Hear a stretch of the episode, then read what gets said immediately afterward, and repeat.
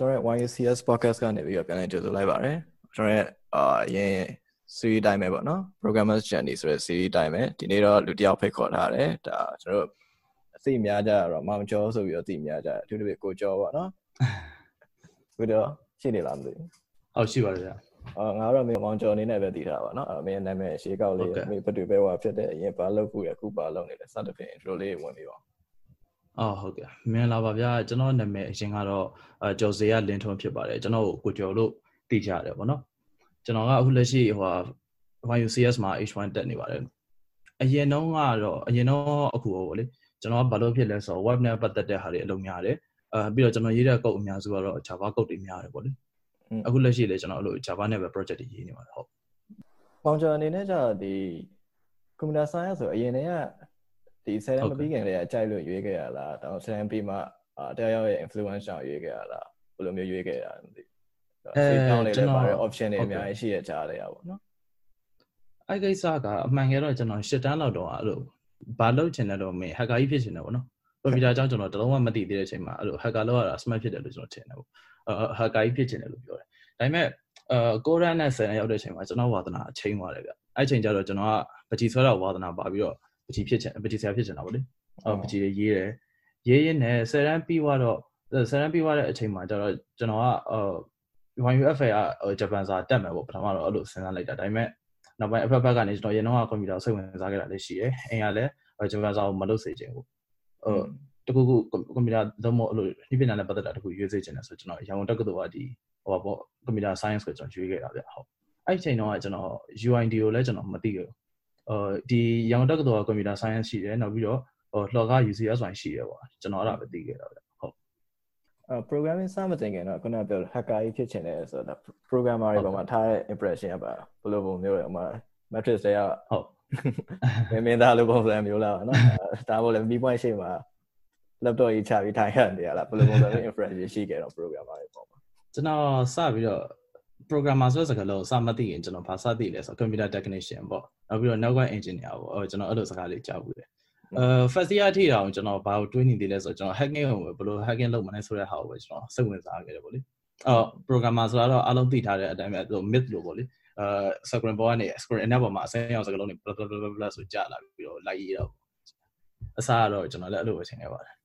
programming programming ကိုဘယ်ကနေဘယ်လိုစသိခဲ့ရလဲဒီကစပြီး introduce လုပ်ပေးခဲ့ programming ကိုပထမဆုံးတစ်ခုတည်းတူတည်းစတွေ့တာကျွန်တော် first year စတက်တော့ UFB မှာပေါ့လေအဲ UFB မှာကျွန်တော် C++ နဲ့ Hello World လေးစရေးတဲ့အချိန်ကအဲ့ဒါကျွန်တော်နှစ်ခုတည်းတူတည်းစတွေ့တဲ့အချိန်ပဲအဲ့မတိုင်ခင်တော့ programming တော့မဟုတ်ဘူးပြကျွန်တော် HTML နည်းနည်းလုပ်ခဲ့ဘူးကျွန်တော်ခုနပြောခဲ့သလိုပဲကျွန်တော်က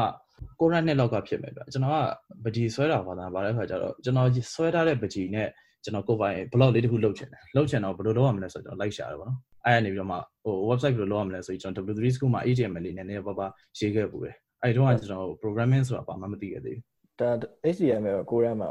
ရေးခဲ့တာပေါ့အာဟုတ်တယ်ဗျအဲ့ W3 school ကို playground မှာပဲ H1 တို့ H2 တို့အဲ့တက်လေးတွေနဲ့ကစားရအဲ့တော့အဲ့တော့ရေးရကြဘယ်လိုနေတော့ online resources တွေပါပေါ်ပြီလားအဲ့အချိန်တော့အဲ့အချိန်လုံးကကျွန်တော်ကအာဘယ် software ထည့်ရမလဲဆိုတော့မသိဘူး ID ထည့်ရမလဲဆိုတော့လည်းမသိဘူးမသိတော့ www.w3school.org ကိုဝင်ပြီးတော့အဲ သူ့ရဲ့ playground ကနေပြီးတော့ပဲကျွန်တော် code လေးတွေရေးရပါလိမ့်အဲပြီးတော့အဲ့ရနေ inspection 2ကိုတည်လာတော့ inspect လေးခောက်ပြီးတော့ website ကိုဟိုကလေးဒီကလေးရှောက်ကလေးကြည့်တယ်။ Sami introduce လုပ်ခံလိုက်တဲ့အချိန်မှာဘယ်လိုမျိုးခံစားသူကတခြားဟာရင်းနဲ့လည်းမတူဟုတ်ကဲ့။အောင်ကျော်အနေနဲ့လည်းတိမှာဟိုတင်ချာရေးပါတင်တာရေးပါနဲ့လည်းသူကမတူသူတွေးပုံကတမျိုး variable ဆိုတာလေးကိုကျင်ကြတယ်ပြီးရင်ဒီဘက်ကဟာကိုကောက်တဲ့ equal ဆိုတာဒီတင်ချာဆိုတော့တည်းမှာအမြဲတမ်းကြည့်ရဒီမှာ equal equal ချမှကြည့်ရအဲစစတဲ့ပြပါတော့ အာပုံမှန်တွေးတွေတွေးတာမရှိရဲ့ဟာလေးစတွေးရတဲ့အခါမှာဘယ်လိုမျိုးဖြစ်ခဲ့လဲပေါ့ခံစားချက်လေးအမ်တအားယူ confuse ဖြစ်တာပေါ့ဗျာပထမဆုံးကျွန်တော်မှတ်မိသေးတယ် CW+ program ရေးတဲ့အချိန်မှာတချို့ကအဲ့လို programming သင်တန်းတက်ထားတဲ့လူတွေရှိတယ်တက်ပြီးတော့မှဒီလိုလာအခါကျတော့သူက ACC ပဲ execute လုပ်ဆို execute လုပ်ဆိုဘယ်ဘက်တည်းနှိပ်ရမယ်သူတို့သိတယ် run လုပ်ဆိုဘယ်ဘက်တည်းနှိပ်ရမယ်သူတို့သိတယ်ကျွန်တော်ဘာမှမသိအဲ့အဲ့ချိန်တော့ကျွန်တော်ဘယ်လိုခံစားလဲငါ major ရေးရမယ်မှားပြီလားအဲ့လိုလည်းဖြစ်ခဲ့ဘူးပေါ့နော်ပြီးတော့ ကျွန်တော်သိကျွန်တော်ကအစတွေက hacking ဘက်ကအဲ့လို hacking ကိုစိတ်ဝင်စားတဲ့လူဆိုတော့ဘယ်လိုစထင်လိုက်လဲဆိုတော့အဲ့ CWS ကရေးနေတာလူနားမလဲအောင်ဟိုအခုဆိုရင်တော့ encryption လုပ်တာပေါ့ဗျာစာဝတ်တွေနဲ့ရေးတာကို programmer တွေကဖော်ရတာလားပေါ့อืมကျွန်တော်တို့လည်းတွေးခဲ့ဘူးလေအဲ့တော့ဆိုတော့လည်းတော့အဲ့လိုနားမလဲတာအရင်များတဲ့အခါမှာကျတော့ကွက်ဖို့ဒီစိတ်ကူးလားဟုတ်ကဲ့အရင်တော့မှမဟုတ်ဘူးဗျအခုလည်းခဏခဏဖြစ်တယ်အခုလည်းဖြစ်တော့ဒါပေမဲ့အခုလည်းခဏခဏဖြစ်တယ်ဒါပေမဲ့ကျွန်တော်ဘာထူးဆန်းလဲဆိုတော့ဥပမာကျွန်တော်ဒီနေ့ဒီကုတ်တွေလုံးဝမကြည့်ချင်တော့ဘူးပေါ့ ဟိုလုံးဝရောဒီဟာလည်းမလုပ်ချင်တော့ဘူးဆိုပြီးတော့အိတ်လိုက်တယ်ဒါပေမဲ့နောက်တစ်နေ့မနေ့ရောက်လာကျွန်တော်မနေနိုင်ဘူး laptop တော့ပြန်ဖွင့်ပြီးအဲ့ရောက်မရရောက်ပြန်ရှင်းတယ်အဲ learning curve အနေနဲ့ဘယ်လိုမျိုးပုံစံမျိုးတွေရှိခဲ့လဲဟုတ်ကဲ့ learning curve ကကျွန်တော် first year မှာ C++ ကျောင်းတင်တော့ကျွန်တော် C++ တင်နဲ့တက်တယ်ဗျတက်တာအဆင်မပြေဘူးမပြေတော့မပြေဘူးဆိုတော့အဲ့လိုဟိုဘက်ကလည်းကျွန်တော်အချိန်မပေးဘူးပြည့်ရက်တွေများလာတော့ကျွန်တော်လည်းမတက်ချင်တော့အဲ့တော့အဲ့တင်တော့ကျွန်တော်တဝက်တစ်ပြက်နဲ့ထွက်လိုက်တယ်ဗောလေထွက်ပြီးတော့ second semester ရောက်တဲ့အချိန်ကျတော့ကျွန်တော် ICTV Plus ကို tutorial point ထင်ပါတယ် အဲ့ website ကနေတော့ CTV Plus ကိုကိုယ့်တာကို self study လုပ်တယ်အဲ့အချိန်မှာကျွန်တော် pointer တွေပါတယ်အကြောင်းသိလာပြီးတော့အဲ့အချိန်တော့တော်တော်လေးလည်းဟိုရ CTV Plus ကိုတော်တော်လေးရလာပြီပြောရမှာဗောလေအဲ့အနေမှာကျွန်တော် second year လောက်ရောက်တော့ကျွန်တော် Java သင်တန်းတစ်ခုတက်တယ်ဗျအဲ့အချိန်မှာကျွန်တော် Java SE ကိုအစအစသိတာအဲ့မတိုင်ခင်တုန်းကဟို CTV Plus တင်နေပြီးတော့ဂျားထဲမှာကျွန်တော် website ဘက်ကိုသွားလိုက်သေးတယ် PHP နဲ့ website ရေးတာဗောလေ Java အဲ့အချိန်မှာကျွန်တော် JavaScript တွေပါတွေသိတယ်သိလာတော့ဗောအဲ PHP ရေးပြီးတော့မှအဲ second year စတက်တဲ့အချိန်စမတက်ခင် second year မတက်ခင်မှာ first year အဲ second semester ပိတ်သွားပြီးတဲ့အချိန်မှာကျွန်တော် Java သင်တန်း2လအဲသင်တန်းလေးတက်လိုက်တာတက်လိုက်တော့သင်တန်းမှာလည်းဗျာသိတဲ့အတိုင်းပဲကျွန်တော်က PHP ဘက်ကလာတဲ့လူဆိုတော့ programming science အလောက်မရှိဘူးဟိုကလည်းဒီဟို website ဘယ်လို create လုပ်ရမလဲဆိုတော့အပိုင်းပဲပြောတာဘာကြောင့်ဘာဖြစ်တယ်ဆိုတော့မပြောသိပြီးတော့အဲကြတော့ Java သင်တာကျွန်တော်အမှန်လေးပြောရင်အဲ2လသင်တာကျွန်တော်လုံးဝမရဘူးဗျမရတော့သင်တန်းကနေပြီးတော့မှဆရာ tutorial video တွေရှိတယ် အဲအဲ့တနန်းပြီးသွားပြီးတော့မှတစ်လအတွင်းမှာကျွန်တော်အဲ့ tutorial ရဲ့ video တွေကြည့်ပြီးတော့ဟိုမရရအောင်လုပ်မယ်ပေါ့လေဒါဒါလည်းမထူတော့လောက်ရတော့မှဆိုကျွန်တော်အဲ့မှာအဲ့တစ်လကိုအသေးချာနောက်က live လေ့လာလိုက်တာအဲ့ကြတော့မှကျွန်တော်ဒီ programming လမ်းပေါ်တကယ်ရောက်တာဆရာမျိုးမျိုးနဲ့တွေ့ခဲ့ပါတော့။မောင်ကျော်ကဘယ်လိုဆရာမျိုးတွေနဲ့တွေ့ခဲ့တာ။ဆရာအများစုကတော့ဗျဟုတ်ဆရာအများစုတော့ကောင်းပါတယ်။ကောင်းပါတယ်ဆိုတာဟိုကျွန်တော်ကဆရာတွေနဲ့လည်းတွေ့ဘူးတယ် developer တွေနဲ့လည်းတွေ့ဘူးတယ်။တွေ့ဘူးတယ်ဆိုတာတချို့ဆရာတွေကြတော့ဗျစာတင်တာဒါကောင်းတဲ့ဆရာရှိတယ်။တချို့ဆရာတွေကြတော့ စာသင်တာတော့မကောင်းဘူးဒါပေမဲ့သူကိုယ်တိုင်ကတကယ်ဒါမိုက်တယ်ဒါ smart ကြတဲ့ developer တယောက်ဖြစ်နေအဲ့ကြတော့ဟို beginner level မှာတော့စာသင်တာဒါကောင်းတဲ့ဆရာတွေကိုကျွန်တော်ပိုကြိုက်တယ်ဒါပေမဲ့အခုအခြေအနေလေးတစ်ခုရောက်လာတဲ့အချိန်ကျတော့အဲ့လိုမျိုး developer ဘဝကနေကိုယ် experience ကိုပြန် share တဲ့ဆရာမျိုးတွေကိုကျွန်တော်ပိုသဘောကျတယ်ဒါအားကြတဲ့ programmer တွေပါရောရှိခဲ့ဘူးလားရှိတယ်ဗျအာကျွန်တော်အားကြတာဆိုရင်တော့ James Gosling ပေါ့နော်သူသူသူ့ကိုကျွန်တော်ဒါကို inspire ဖြစ်တယ်နောက်ပြီးတော့ဒီ Linux ရဲ့ father Linux Torvalds ကိုလည်းကျွန်တော် inspire ဖြစ်တယ်ဒါပေမဲ့သူ့ကုတ်တွေတော့ကျွန်တော်ခါမှမဖတ်ဘူးပေါ့ပြီးတော့ဟို Supreme မှာဆိုလို့ရှိရင် hero ရှိတယ်လေ Roy Johnson တို့အဲနောက်ပြီးတော့အခုလက်ရှိ intelligent မှာဥဆောင်နေတဲ့ Tasha Key တို့သူတို့ကျွန်တော်ဟိုဒါ inspire ဖြစ်တယ်သူတို့ကုတ်လက်တွေကျွန်တော်တက်ဖြစ်တယ်ပေါ့လေ Linux ရဲ့ father ကလုံးဝ genius ဆိုတော့သူစာအုပ်တုပ်ဖတ်ဖို့ရဆိုလို့ရှိရင်ဟုတ်တယ်ဗျ I know my code is perfect လို့အောင်ပြောပြောရတဲ့တတိတကယ်ဟိုတကယ်ဟိုတော့ဆိုရတော့မပြောရဘူးသူက perfect ဖြစ်တယ်ဆိုရတော့တိုင်းပြောရဆိုတော့လေးလေးလေးသားဖို့တော့ခါ အဲအတွေးကောအသေးတခုသူကသူ့ဘာသူဖောက်ထွက်သွားတာဗျအကျောင်းအကျောင်းမှာလည်းအခုဟိုဒီတင်ရိုးတွေတင်နေဆိုတော့ကိုယ်တိုင်လည်းပြင်มาတင်တယ်အကျောင်းမှာလည်းတင်တယ်အဲအကျောင်းကတင်ရိုးတွေရောအားရတာဘယ်လိုမျိုးခံစားပွက်ပွက်လင်းလင်းပြောရင်ဗျကျွန်တော်ဒီ software engineer ရှူတောင်းကနေကြည့်မယ် engineering ရှူတောင်းကနေကြည့်မယ်ဆိုရင်တော့ကျွန်တော်အားမရဘူးလေဒါပေမဲ့ဟိုနိုင်ငံတကာသင်ရိုးအနေနဲ့ကြည့်မယ် computer science ဆိုအဲ computer science ဆိုတဲ့ subject တခုရဲ့ perspective ကနေကြည့်မယ်ဆိုလို့ရှိရင်တော့ အတော်လေးကိုနည်းနည်းနဲ့ကြဲကြဲဝိုင်းဆိုတော့အတော်လေးကိုနေရာမျိုးစုံမှာဘယ်လိုကောမလဲဟိုဆက်ဆက်ကြီးဆက်ဆက်လေးစုထားတော့တွေ့ရတယ်ပေါ့လေတကယ် software development ဘက်ကကြည့်မယ်ဆိုရင်တော့ဟိုအားရစရာတော့မရှိပါဘူး။ why ဟာတော့သူက programming အဓိကတော့မဟုတ်ဘူးဖြစ်နေအောင်မဟုတ်ဘူးသူကစီးပွားရေးပါလေလည်းပါဆက်ဆက်ဆက်ဆက်ပါနေရရှိဟုတ်ကဲ့ဟိုနေ့ကမဟုတ်ဟိုတော့လာမောင်ကျော်နဲ့ပြောရင်းတော့တခုရှင်းပြရရှိရ programming concept တခုအောင်ကျော်ရှင်းပြတာရှိရဒီထဲမှာလည်းပြန်ပြောပြချင်လို့အာဟုတ်ကဲ့ single single leader pattern ကိုမောင်ကျော်ရှင်းပြပါအခုဒီမှတ်မိသေးတယ် ဒါဟုတ်ကဲ့ခလေးခလေးကိုရှင်းပြမယ်ဆိုဘူးလွယ်နိုင်တယ်ပေါ့နော် single leader pattern ဆိုတာဒါ object ကိုခဏခဏမဆောက်ပဲနဲ့တစ်ခါဆောက်ပြီးရင်ကောက်ခေါ်လိုက်တစ်ခါဆောက်ပြီးရင်လည်းကောက်ခေါ်ဖို့အဲမောင်ကျော်ဘယ်လိုရှင်းပြပါလဲဆိုတော့တမင်းစားမယ်ဆိုတော့ညကစားလင်မြနှစ်ယောက်ပေါ့ဗျာတမင်းစားကြမယ်ပေါ့စားကြမယ်ဆိုတော့တို့အခုမှစညားတာဆိုတော့တို့မှပကံမရှိဘူးမရှိတော့ယောက်ျားပဲပေါ့မိမကြီးငါတို့ပကံမရှိဘူးပေါ့ပကံတစ်ချက်ဝယ်ရအောင်ပေါ့ဆိုတော့လင်မြနှစ်ယောက်စားဖို့အတွက်ပကံကြီးတစ်လုံးဝယ်လိုက်တယ်ဝယ်ပြီးတော့စားကြတယ်ပေါ့နောက်တစ်နေ့ရောက်လာတော့ ထမင်းစားကနေတိုင်းပကံဝယ်တာမဟုတ်ဘဲနဲ့မနေ့ကဝယ်ထားပြီးသားပကံပေါ်မှာကျွန်တော်ထည့်ပြီးစားတာပေါ့လေစင်ဂလတန်ဆိုတာလည်းအဲ့လိုမျိုးပဲမရှိသေးဘူးဆိုလို့ရှိရင်တော့စောက်လိုက်တယ်တကယ်လို့ရှိသွားပြီဆိုလို့ရှိရင်တော့အတစ်တစ်ခုထပ်မစောက်တော့ဘူးရှိပြီးသား object ကိုပဲပြန်ပြန်ပြန်ပြန်သုံးရတယ်ပေါ့อืมအဲထမင်းထမင်းစားတဲ့နေတိုင်းနေတိုင်းပညာတစ်ချက်သွားဝယ်နေလို့ဆိုရင်ဒါကအချက်အချက်30ပြောပါမယ်ပေါ့နော်ဒါတကယ် real one နဲ့ရှင်းပြီးတော့ပြောပြပေးရအောင်ဟုတ်ကဲ့ဒါ inheritance ဆိုလဲဒါ တကယ် real world နဲ့ပြန်ပြောမယ်ဆိုလို့ဒါ OB concept လေးပြောနေအောင်နော် inheritance ဆိုလို့ရှိရင်ဒါမိဘနဲ့သားသမီးလိုမျိုးပဲဟလာမိဘရှိမှာပစ္စည်းတစ်ခုခုထားလိုက်သားသမီးကလိုချင်လို့တရားဘေးကျွန်တော်ထားလို့ချင်တယ်ရှိရဆိုကောက်ချပေးလိုက်တယ်မရှိဘဲနဲ့ကိုယ်ကကောက်ကောက်ခေါ်မယ်ဆိုလို့ရှိရင်အာ error ပြရနော်ပြောချင်တာတော့စာရင်ငါမှဒါမရှိသေးဘူးပေါ့ abstraction ဆိုရင်မိဘကဖွက်ထားရင်လည်းမရဘူးပြ private ဖွက်ထားရင်လည်းမရဘူးအဲ့တော့ abstraction ဆိုရင်လည်းဒါ OB concept တော့ဆိုမှ water စားခြင်းတယ်ဟာ water စားတဲ့အကြောင်းပြောမယ်ဆိုရင် water စားတယ်လို့ပဲ abstraction ရဘယ်ပြော general ကြကြလေးပဲပြောထားတာအာဒါပေမဲ့အတွင်းအတွင်းကြကြသွားမယ်ဆိုရင် water ကိုထိုးထိုးစားမှာလားကြော်စားမှာလားချက်စားမှာလားချိုးချင်းချက်စားမှာလားဟုတ်ကဲ့အဲ့ဒါပြောပါနော်ဒါဟုတ်ကဲ့ real world နဲ့ချိန်စားပြီးတော့ပြောပြဒီပြိုင်ပွဲတွေဘာတွေရောပြိုင်ဘူးလားမောင်ကျော်ကျွန်တော်ပြိုင်ပွဲက science fair ကိုနှစ်ပွဲပြိုင်ဘူးတယ်ဗျမမရရမနှစ်က hackathon ကိုဒီဟိုက Orido hackathon ကိုကျွန်တော်တစ်ပွဲပြိုင်ဘူးတယ် နောက်ပြီးတော့ဟိုဂျပန်ကပြိုင်ပွဲဗျအဲအဲ့ပြိုင်ပွဲနာမည်ကျွန်တော်မမှတ်မိတော့ဘူးကျောင်းက teacher တွေပြောလို့ကျွန်တော်အဲ့ဂျပန်လုပ်တဲ့ပြိုင်ပွဲတစ်ပွဲကျွန်တော်ဝင်ပြိုင်ဘူးလေဟုတ် achievement တွေပါရရှိခဲ့ဘူးလားอืม achievement ကတော့ကျွန်တော်အခုချိန်ဒီစုတစ်ခါမှမရဘူးသေးဗျ experience တွေတော့အများကြီးရခဲ့မှာဟုတ်ကဲ့ဟိုကျွန်တော်ဘယ်လိုခေါ်မလဲ team work တွေလည်းရတယ်နောက်ပြီးတော့ကျွန်တော်ဟိုအဲ့ရနေတော့မှပွဲတွေကနေတွေ့လာတဲ့တိလာတဲ့မိတ်ဆွေတွေလည်းရှိတယ်အဲ့ခါကျတော့ test event တွေရောက်လို့ရှိရင်တို့ကလည်းကျွန်တော်ပြန်ခေါ်တယ်ပေါ့ဟာဟိုညီလေးပေါ့ဆိုတော့အဲ့လိုမျိုး အဆက်အသွယ်တွေကျွန်တော်အများကြီးရခဲ့ပါတယ်အပြိုင်ပွဲမှာတွေ့ရတဲ့အတွေ့အတွေ့အကြုံတွေနဲ့မှာဘယ်လိုခက်ခဲတဲ့ဟာတွေပါရောဘယ်လိုမျိုးဟာတွေရှိရောပြိုင်ပွဲတိုင်းကအာစိတ်လှုပ်ရှားဖို့ကောင်းတယ်ဗျစိတ်လှုပ်ရှားဖို့ကောင်းတယ်ဆိုတာသူကပြိုင်ပွဲမှာနှစ်မျိုးရှိတယ်လေဟိုနိုင်ဖို့အတွက်ပြိုင်ပါလားဒါမှမဟုတ်ဒီပြိုင်ပွဲကနေပြီးတော့မှတခုခုထွက်လာဖို့လည်းပြိုင်ပါလား product တခုထွက်လာဖို့လည်းပြိုင်ပါလားอืมဆိုတော့ကျွန်တော်အခုလက်ရှိအချိန်ထိကတော့ပြိုင်ပွဲတွေပြိုင်တာကနိုင်ဖို့ကျွန်တော်ဦးစားမပေးဘဲနဲ့အဲ့ပြိုင်ပွဲကနေ ဒီပြိုင်ပွဲကနေဒီ title အောက်ကနေကျွန်တော်တို့ဟိုဘာ product တခုထွက်မလဲပေါ့လေကျွန်တော်အဲ့အတွက်ပဲ focus ထားပြီးတော့ပြိုင်ခဲ့တယ်ဟုတ်ပြိုင်ပွဲတွေမှာဆိုရင်လည်းဒါ team work ကအရေးကြီးတယ်ပေါ့နော် team work တချို့ကြလည်းရှိရတယ်တကောတော့ solo man one man show သွားရှိတယ်ဆရာထဲနဲ့ superman ဖြစ်နေရလည်းရှိတယ်9ယောက်9ယောက်ပေါင်းပြီးမှ power rangers ကောက်ဖြစ်တာလည်းရှိရပါတော့ဟုတ်ကဲ့ team အဲ့ပြိုင်ပွဲမှာ team work ကဘယ်လောက်ပမာဏလောက်ထိအရေးကြီးတာလဲပြိုင်ပွဲတွေမှာပြိုင်ဘူးရဆိုပြိုင်ပွဲတစ်ခုမှာ team work ကအာ70%လောက်ကိုအရေးကြီးမှာဗျကျွန်တော်ကကြတော့ ကျွန်တော်မှအဲ့လို senior တစ်ခုရှိတယ်အဲ့ဒါဘာလဲဆိုတော့ဟို group တစ်ခုလုပ်လိုက်ပြီး project တစ်ခုလုပ်တော့မယ်ဆိုတော့ကျွန်တော်စိတ်ကိုဘယ်လိုပြင်ထားလဲဆိုတော့ဟိုတကယ်လို့တဲရောက်ကိုမကျင်တတ်ဘူးပေါ့မကျင်တတ်ဘူးဆိုတော့ကျွန်တော်အဲ့ group ရဲ့အပြင်မှာတခြားလူနဲ့ကျွန်တော်ဘာမှမပြောဘူး9ယောက်ရှိရင်အဲ့9ယောက်လုံးစုံတဲ့ချိန်မှာကျွန်တော်မကျင်တဲ့ချက်ကိုပြောတယ်အာဘာလို့ကျွန်တော်အဲ့လိုလုပ်လဲဆိုတော့တကယ်လို့9ယောက်ရှိတယ်ဗျာဥပမာကိုကတခြားတယောက်ကိုမကျင်တတ်ဘူးဆိုလို့ရှိရင်အဲ့လူအဲ့လူကိုမပြောဘဲနဲ့တခြားတယောက်ကိုအပြင်မှာသွားပြောလို့ရှိရင်2ယောက်ကတစ်ဖွဲ့ဟို3ယောက်ကတစ်ဖွဲ့ဖြစ်သွားမယ်ဆိုတော့အဲ့လိုပုံစံကြောင့်ပဲအဖွဲ့တွေ꿰ကြတာများတယ်အဲ့ကြတော့ကျွန်တော်က ဟိုကျွန်တော်မကျင်တတ်ဘူးဆိုလို့ရှိရင်လည်း9ယောက်စုံတဲ့ချိန်မှာထည့်ပြောအာကျွန်တော်ကမကျင်တတ်ဘူးဆိုလို့ရှိရင်လည်းအဲ့အကြောင်းကိုအပြင်ထွက်ပြီးတော့တခြားတယောက်ကိုကျွန်တော်ဟိုတခြားလူတယောက်ကိုအဖွဲ့တွေကတခြားလူတယောက်ကိုကျွန်တော်မပြောဘူး9ယောက်လုံးစုံတဲ့အချိန်ကျွန်တော်တည်းပြောဟို open ပေးတယ်ပေါ့လေအဲ့ပုံစံနဲ့ပဲကျွန်တော် handle သွားတယ်ဟုတ်အများတော့ပြောတော့ပြန်ပွဲဝင်မယ်ဆိုရင်တော့အရင်တည်းကမတိကျွမ်းတဲ့ပုံကိုလူလူတွေနဲ့ပြန်ဟိုအတင်းဖွင့်မယ်ဆိုရင်တော့များတော့ပြန်တော့စကားများတဲ့တော့သဘာဝပါပဲနော်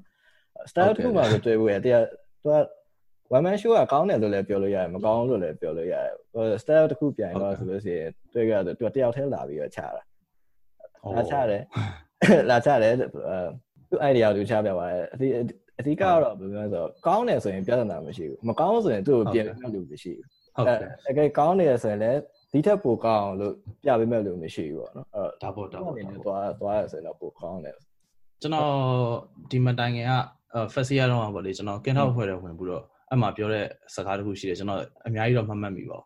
သူကဗာပြောလဲဆိုတော့တယောက်တည်းသွားလို့ရှိရင်သူက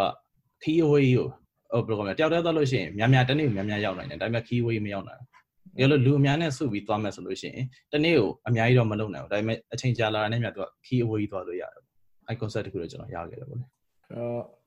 အမောင်ကျော်အနေနဲ့အခုတက်နေတဲ့ course လေးပါလေးရှိလားဖတ်နေတဲ့စာအုပ်လေးပါလေးရရှိလားဟုတ်အော်ကျွန်တော်အခု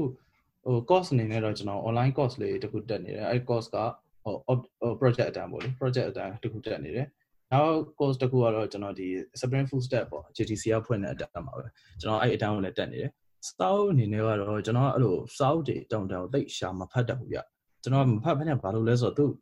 official documentation ကိုဝင်ဝင်ပြီးတော့သွားဖတ်တာများတယ်ဘာလို့လဲဆိုတော့စာအုပ်ကြတော့စာအုပ်ရေးတဲ့လူရဲ့အာဘော်တွေပါတယ်လေအဲ့ကြတော့ဟိုမလိုအပ်တဲ့ဟာတွေကျွန်တော်တိတ်မဖတ်ချင်ဘူး အဲ့ခါကျတော့ဟိုပဲသူ documentation ကပဲကျွန်တော်ဝင်ဝင်ဖတ်တာများတယ်ဟုတ်ဒါ programmer's journey မှာဆိုလို့ရှိရင်ဒါ programmer journey တစ်ချောက်တစ်လျှောက်လုံးမှာဆိုလို့ရှိရင်ကိုပျော်ခဲ့တဲ့ဟာလေးရှိစိတ်ညစ်ခဲ့ရတဲ့ဟာလေးပဲရှိတယ်ဆိုတော့အဲ့တော့မောင်မောင်ကျော်အနေနဲ့ပြောမယ်ဆိုရင်ဒီ journey တစ်ခုလုံးမှာပျော်ရဆုံး moment လေးဆိုရင်ဘာဖြစ်မလဲစိတ်ညစ်ရဆုံး moment လေးဆိုရင်ဘာဖြစ်မလဲအပျော်ဆုံးကတော့အပျော်ဆုံးအစဉ်စပြောမှရှင်နော်အပျော်ဆုံးကတော့အာမနေ့ကလေမနေ့ကပေါ့လွန်ခဲ့တဲ့တစ်ပတ်ကလည်းကျွန်တော်ပြောနေသေးတယ် တခါလေအခုနောက်ပိုင်းကျွန်တော်ကုတ်တွေရေးပြီးတင်တဲ့အခါကျတော့ဘယ်လိုဖြစ်လာလဲဆိုတော့တချို့အကြောင်းအလူတွေကျွန်တော်လာလာမေးကြတယ်ပေါ့လေသူတို့အာတခါကျအဲ့ဒါတက်ပြီးကျွန်တော်စီရောက်လာတာရှိတယ်နှစ်ရက်လောက်သုံးရက်လောက်အဲ့ဒါမရှင်းနိုင်ဘူးအဲ့ခါကျရင်ကျွန်တော်ကဘာလို့လဲဆိုတော့သူတို့ကျွန်တော်တခါလေကျသူတို့အဲ့ဒါတွေမြင်ဘယ်နာဖြစ်လဲဆိုတော့ကျွန်တော်မှန်းကြည့်လို့ရတယ်ဗျာဒါပေမဲ့ကျွန်တော်မပြောဘယ်နာဆိုတော့ကျွန်တော်မပြောလိုက်ဘူးမပြောလိုက်ဘဲနဲ့ဘာကြောင့်ဖြစ်တယ်ဆိုတာကိုကျွန်တော် hint ပေးလိုက်တယ်ကိုယ့်တာကိုရှာကြည့်တော့အဲ့တရက်လောက်ပြီးလို့ရှိရင်တချို့ဆိုကျွန်တော်ပြန်လာပြောကြတယ် ဒီအကြောင်းကိုတော်တော်နားလည်သွားပါပြီဆိုအဲ့ချိန်ကျကျွန်တော်လည်းထခုထခုမိမလည်းပြောတယ်ဗျဟိုကိုလုတ်လိုက်တာလေလေဟုတ်ဟုတ်အဲ့ကျတော့ဘယ်လိုဖြစ်လဲဆိုတော့ကိုတရားရောက်သိသွားတာဟုတ်ကဲ့ကောက်ကို solution လောက်တာလေကျွန်တော်အဲ့လိုဘယ်လိုခေါ်မလဲကိုသိတဲ့ဟာကိုတခြားတယောက်ကိုပြောပြလိုက်လို့တခြားတယောက်ကတကယ်သိသွားပြီဆိုကျွန်တော်အဲ့အဲ့ feeling ကတအားပြောတယ်စိတ်ညစ်စရာကတော့ခဏခဏရှိတယ်တခါတလေကြတော့ဗျာရေးနေရင်လည်းအဲ့လို Android မှာဆိုခဏခဏဖြစ်တယ်သူကအမြဲ stable မဖြစ်ဘူးခဏခဏပြောင်းနေတာဆိုအကိုရေးနေတဲ့ကောက်တွေကနောက်တစ်နေ့ပြန်ကြည့်လိုက်လို့ရှိရင် stable မဖြစ်တော့ပြန်အရင်တစ်ခါတလေကျ Android မှာဆိုလို့ရှိရဗျဟို factory method ကနေ object ကိုထုတ်ထားတာနေပြီးတော့မှတစ်ခါ beta beta နဲ့ပြောင်းပြီးတော့ object ဆောက်တဲ့ပုံစံမျိုးဖြစ်သွားပြန်အဲ့ကကြတော့အဲ့လို platform မငြိမ်စိတ်ညစ်ရတယ်နောက်ပြီးတော့ဟိုရေးနေတဲ့ project တွေမှာတစ်ခါလေကျ requirement change နေဗျဟိုကိုကလောက်ထားပြီးတရက်နှစ်ရက်လောက်ကြာတဲ့အချိန်ကျတော့ requirement change သွားလို့ရှိရင်ပြန်လုပ်ရတယ်ပေါ့လေအဲအဲ့လိုချိန်တွေမှာစိတ်ညစ်တယ်နောက်အခုနောက်ပိုင်းတော့မရှိတော့ဘူးဗျအဲ့လိုစလုပ်လို့ချင်းအချိန်မှာတော့ pain point တွေတော်တော်များတယ်ဒါပေမဲ့အဲ့ဟာကိုကြော်ဝါနိုင်ပြီဆိုလို့ရှိရင်လည်းနောက်ပိုင်းကဟိုကိုအပင်မခံနိုင်ခံနိုင်တော့အဲ့လိုစိတ်ညစ်ရတဲ့ဟာမျိုးမရှိတော့ဘူးလုံးလုံးလုံးနိုင်တော့ရောက်သွားတာများပါတယ်အခုလက်ရှိအချိန်တွေရောအခြေအနေလားမသိဘူးဘယ်ဘယ် position ကကိုရောက်နေပြီလဲကျွန်တော်အခုလက်ရှိကတော့တကယ်တကယ်ပြန်ပြောရမယ်ဆိုရင်ကျွန်တော်သေချာသိရဆိုလို့ Java ပဲရှိမယ်အဲဒါပေမဲ့ကျွန်တော်ကဟိုဟာလေးရေးတယ် Angular လေးရေးတယ် PHP ကိုလည်းကျွန်တော် PHP ပြီးွားနဲ့ရေးတယ် Flutter လည်းကျွန်တော်နည်းနည်းပါးပါးရေးနိုင်တယ်ပေါ့အဲ့တော့ အခုလက်ရှိအခြေအနေကတော့ကျွန်တော်အခြေအနေကဘယ်လိုဖြစ်နေလဲဆိုတော့ဟိုတကယ်လို့ကြောင်းပြီးသွားလို့ရှိရင်အလုပ်တစ်ခုကိုအသေးချာရနိုင်မဲ့တိုက်တယ်မျိုးကျွန်တော်ဆွဲဆဆွဲထားမှာပေါ့လေဆိုတော့လက်ရှိကတော့ကျွန်တော် Java Enterprise Developer အနေနဲ့ကိုယ့်ကိုခံပြီးတော့အဲ့ဒီတော့ကျွန်တော် Java နဲ့ပတ်သက်တာကိုလုပ်တယ်လုပ်ပြီးတော့မှဟို free time မှာဟိုဗာလေးလာကျင်တယ်ပေါ့အခုအခုဆိုကျွန်တော် Android လုပ်ကျင်တယ်ဆိုတော့ free time မှာဥမာတစ်ပတ်ကို2ရက်လောက်ဖြစ်ဖြစ် Android လေးလုပ်တယ်ပေါ့ကျွန်တော်အဲ့ပုံစံနဲ့ပဲသွားတယ်ဗျအခုတိတော့ကိုယ့်ကို software engineer ဖြစ်တော့မသတ်မှတ်သေးပါဘူးဗျဒါပေမဲ့အဲ ဟိုဖြစ်ရင်တော့ဘယ်လိုခေါ်မလဲနောက်နှစ်နှစ်သုံးနှစ်လောက်နေရင်တော့ဖြစ်လာမယ်လို့ထင်တာပဲလေဖြစ်လာအခုလက်ရှိကတော့ကျွန်တော်က developer တယောက်အနေနဲ့ပဲကျွန်တော်ခံထားပါတယ်ဟုတ်ဟုတ်ကဲ့ဟုတ်အာအခု programming ဆောက်လုပ်မဲ့ play ရှိရပါတော့။ညီလေးညီမလေးအတွက်ဆိုလို့ရှိရင် tips and tools တွေတော့ tools and don'ts တွေပေါ့နော်။အဲ့ advice တွေဆိုပါလေးပေးကြ။အာ programming ကိုဆောက်လုပ်မဲ့လူတွေအနေနဲ့ကျွန်တော်ပြောချင်တာက language တစ်ခုကိုအရင်ဆုံးအစအဆုံးသိအောင်လေ့လာပါလို့ကျွန်တော်ပြောချင်တယ်။ ကျွန်တော်တော့ဆိုရှိတယ်ပဲကျွန်တော် C++ တက်နေပေါ့။အဲအဲ့ရနေပြီးတော့မှကျွန်တော် Java ကောင်းတယ် Java သွားလို့ပြောလို့ရှိတယ်။ C# ကောင်းတယ် C# သွားလို့ပြောလို့ရှိတယ်။ဒါမှမဟုတ်အဲ့လိုမဟုတ်ဘူးဟို programming language တွေတိတ်အောက်သွားပြီပေါ့ scripting language တွေခက်စားနေတာ JavaScript ပဲလုပ်လို့ပြောလို့လည်းရှိတယ်။ဆိုတော့ဆက်ဆက်နေလုပ်တဲ့လူအနေနဲ့အဲ့ကိစ္စတွေကိုနားမယောင်ဘူးလို့ရတယ်လို့ကျွန်တော်ထင်တယ်ပေါ့လေ။အဲ့တော့ဘာစလို့ကိုကအရင်ဆုံးကိုကဒီဟာတကယ်ဖြစ်ချင်တာပေါ့ဖြစ်ချင်ပြီဆိုလို့ရှိရင်ဘယ် language ကိုကင်မလဲပေါ့။ကင်တဲ့နေရာမှာလည်းဟို C++ ဆိုလဲ C++ ကို develop လုပ်ပြီးတော့ အာငါဒါတော့မရတော့ဘူးကွာဆိုပြီး quit မလုပ်သွားဘဲနဲ့မရမရလို့မဖြစ်ဘူးလားရအောင်လုံးမဖြစ်မယ်ဆိုတဲ့စိတ်မျိုးနဲ့လုပ်ကြည့်စေချင်တယ်ပေါ့လေကျွန်တော်ဆိုလို့ရှိရင်ဘယ်တော့အချိန်နေဆိုလဲဆိုကျွန်တော်စခဲ့တော့အာ Java ကိုကျွန်တော်6လလေ့လာတယ်ဗျ Java SE ကို6လလေ့လာတယ်လေ့လာပြီးတော့အာကျွန်တော်ဘာဖြစ်လဲဆိုတော့ Java မှာ constructor ကိုကျွန်တော် point နဲ့သွားရေးတယ်မှတ်မဲ့ရပါလားဩအဲ့ဒါတွေတက်တာဗောနော်ဟို Java FX နဲ့ desktop app လေးတစ်ခုရေးထားတယ်အားလုံး logic အလုံးမှန်တယ်ဒါပေမဲ့ကျွန်တော်ကဘာဖြစ်လဲဆိုတော့သူ့ရဲ့ constructor ကို point နဲ့ရေးထားတယ်ဟုတ်အဲ့ အဲ့ခါကျတော့ဆရာလည်းဆရာလည်းရှာတာ down down တွေကိုကုတ်တွေကလည်းအကုန်မှန်တယ်ပေါ့ဆိုတော့ဘာဖြစ်လဲဆိုတော့မဖြစ်တင်ဘူးလေအဲတကယ်တကယ် business ကိုပိုင်နေဆို constructor ဆိုတာဘာလဲကျွန်တော်သိရမယ်ဗျာ void ဆိုတာဘာလဲကျွန်တော်သိရမယ် return မပြန်တယ်ဆိုတာသိရမယ်ဒါပေမဲ့အဲ့လိုမသိဘူးပေါ့ကျွန်တော်ကဘာဖြစ်တာလဲဆိုတော့ automate ပဲနဲ့အဲ့လိုနောက်တစ်ဆင့်ကိုတက်တဲ့အချိန်ကဖြစ်တဲ့ pain point ပေါ့ဆိုတော့အဲအဓိကကို worry amazing တွေဖြစ်ဖို့မလို့ကိုဘာတွေလုံနိုင်ပြီညာတွေလုံနိုင်ပြီဆိုတော့သူများနဲ့လိုက်ပြိုင်ဖို့မလို့အဓိကကိုသိတယ်ဆိုတဲ့ဟာကိုကိုတကယ်သိတာဟုတ် ကိုအခုဒါလုံနေတယ်ဆိုလုံနေတဲ့ဟာကိုတကယ်လုံနေရလားတကယ်သိရလားတကယ်အခြေခံတက်တက်သိတာဟုတ်အဲအဲ့ဒါသိသွားပြီဆိုလို့ရှိရင်တော့ဘယ်ပဲသွားခြင်းချင်းဘယ်ဘဲကူးခြင်းချင်းကူးလို့ရတယ်ပေါ့လေ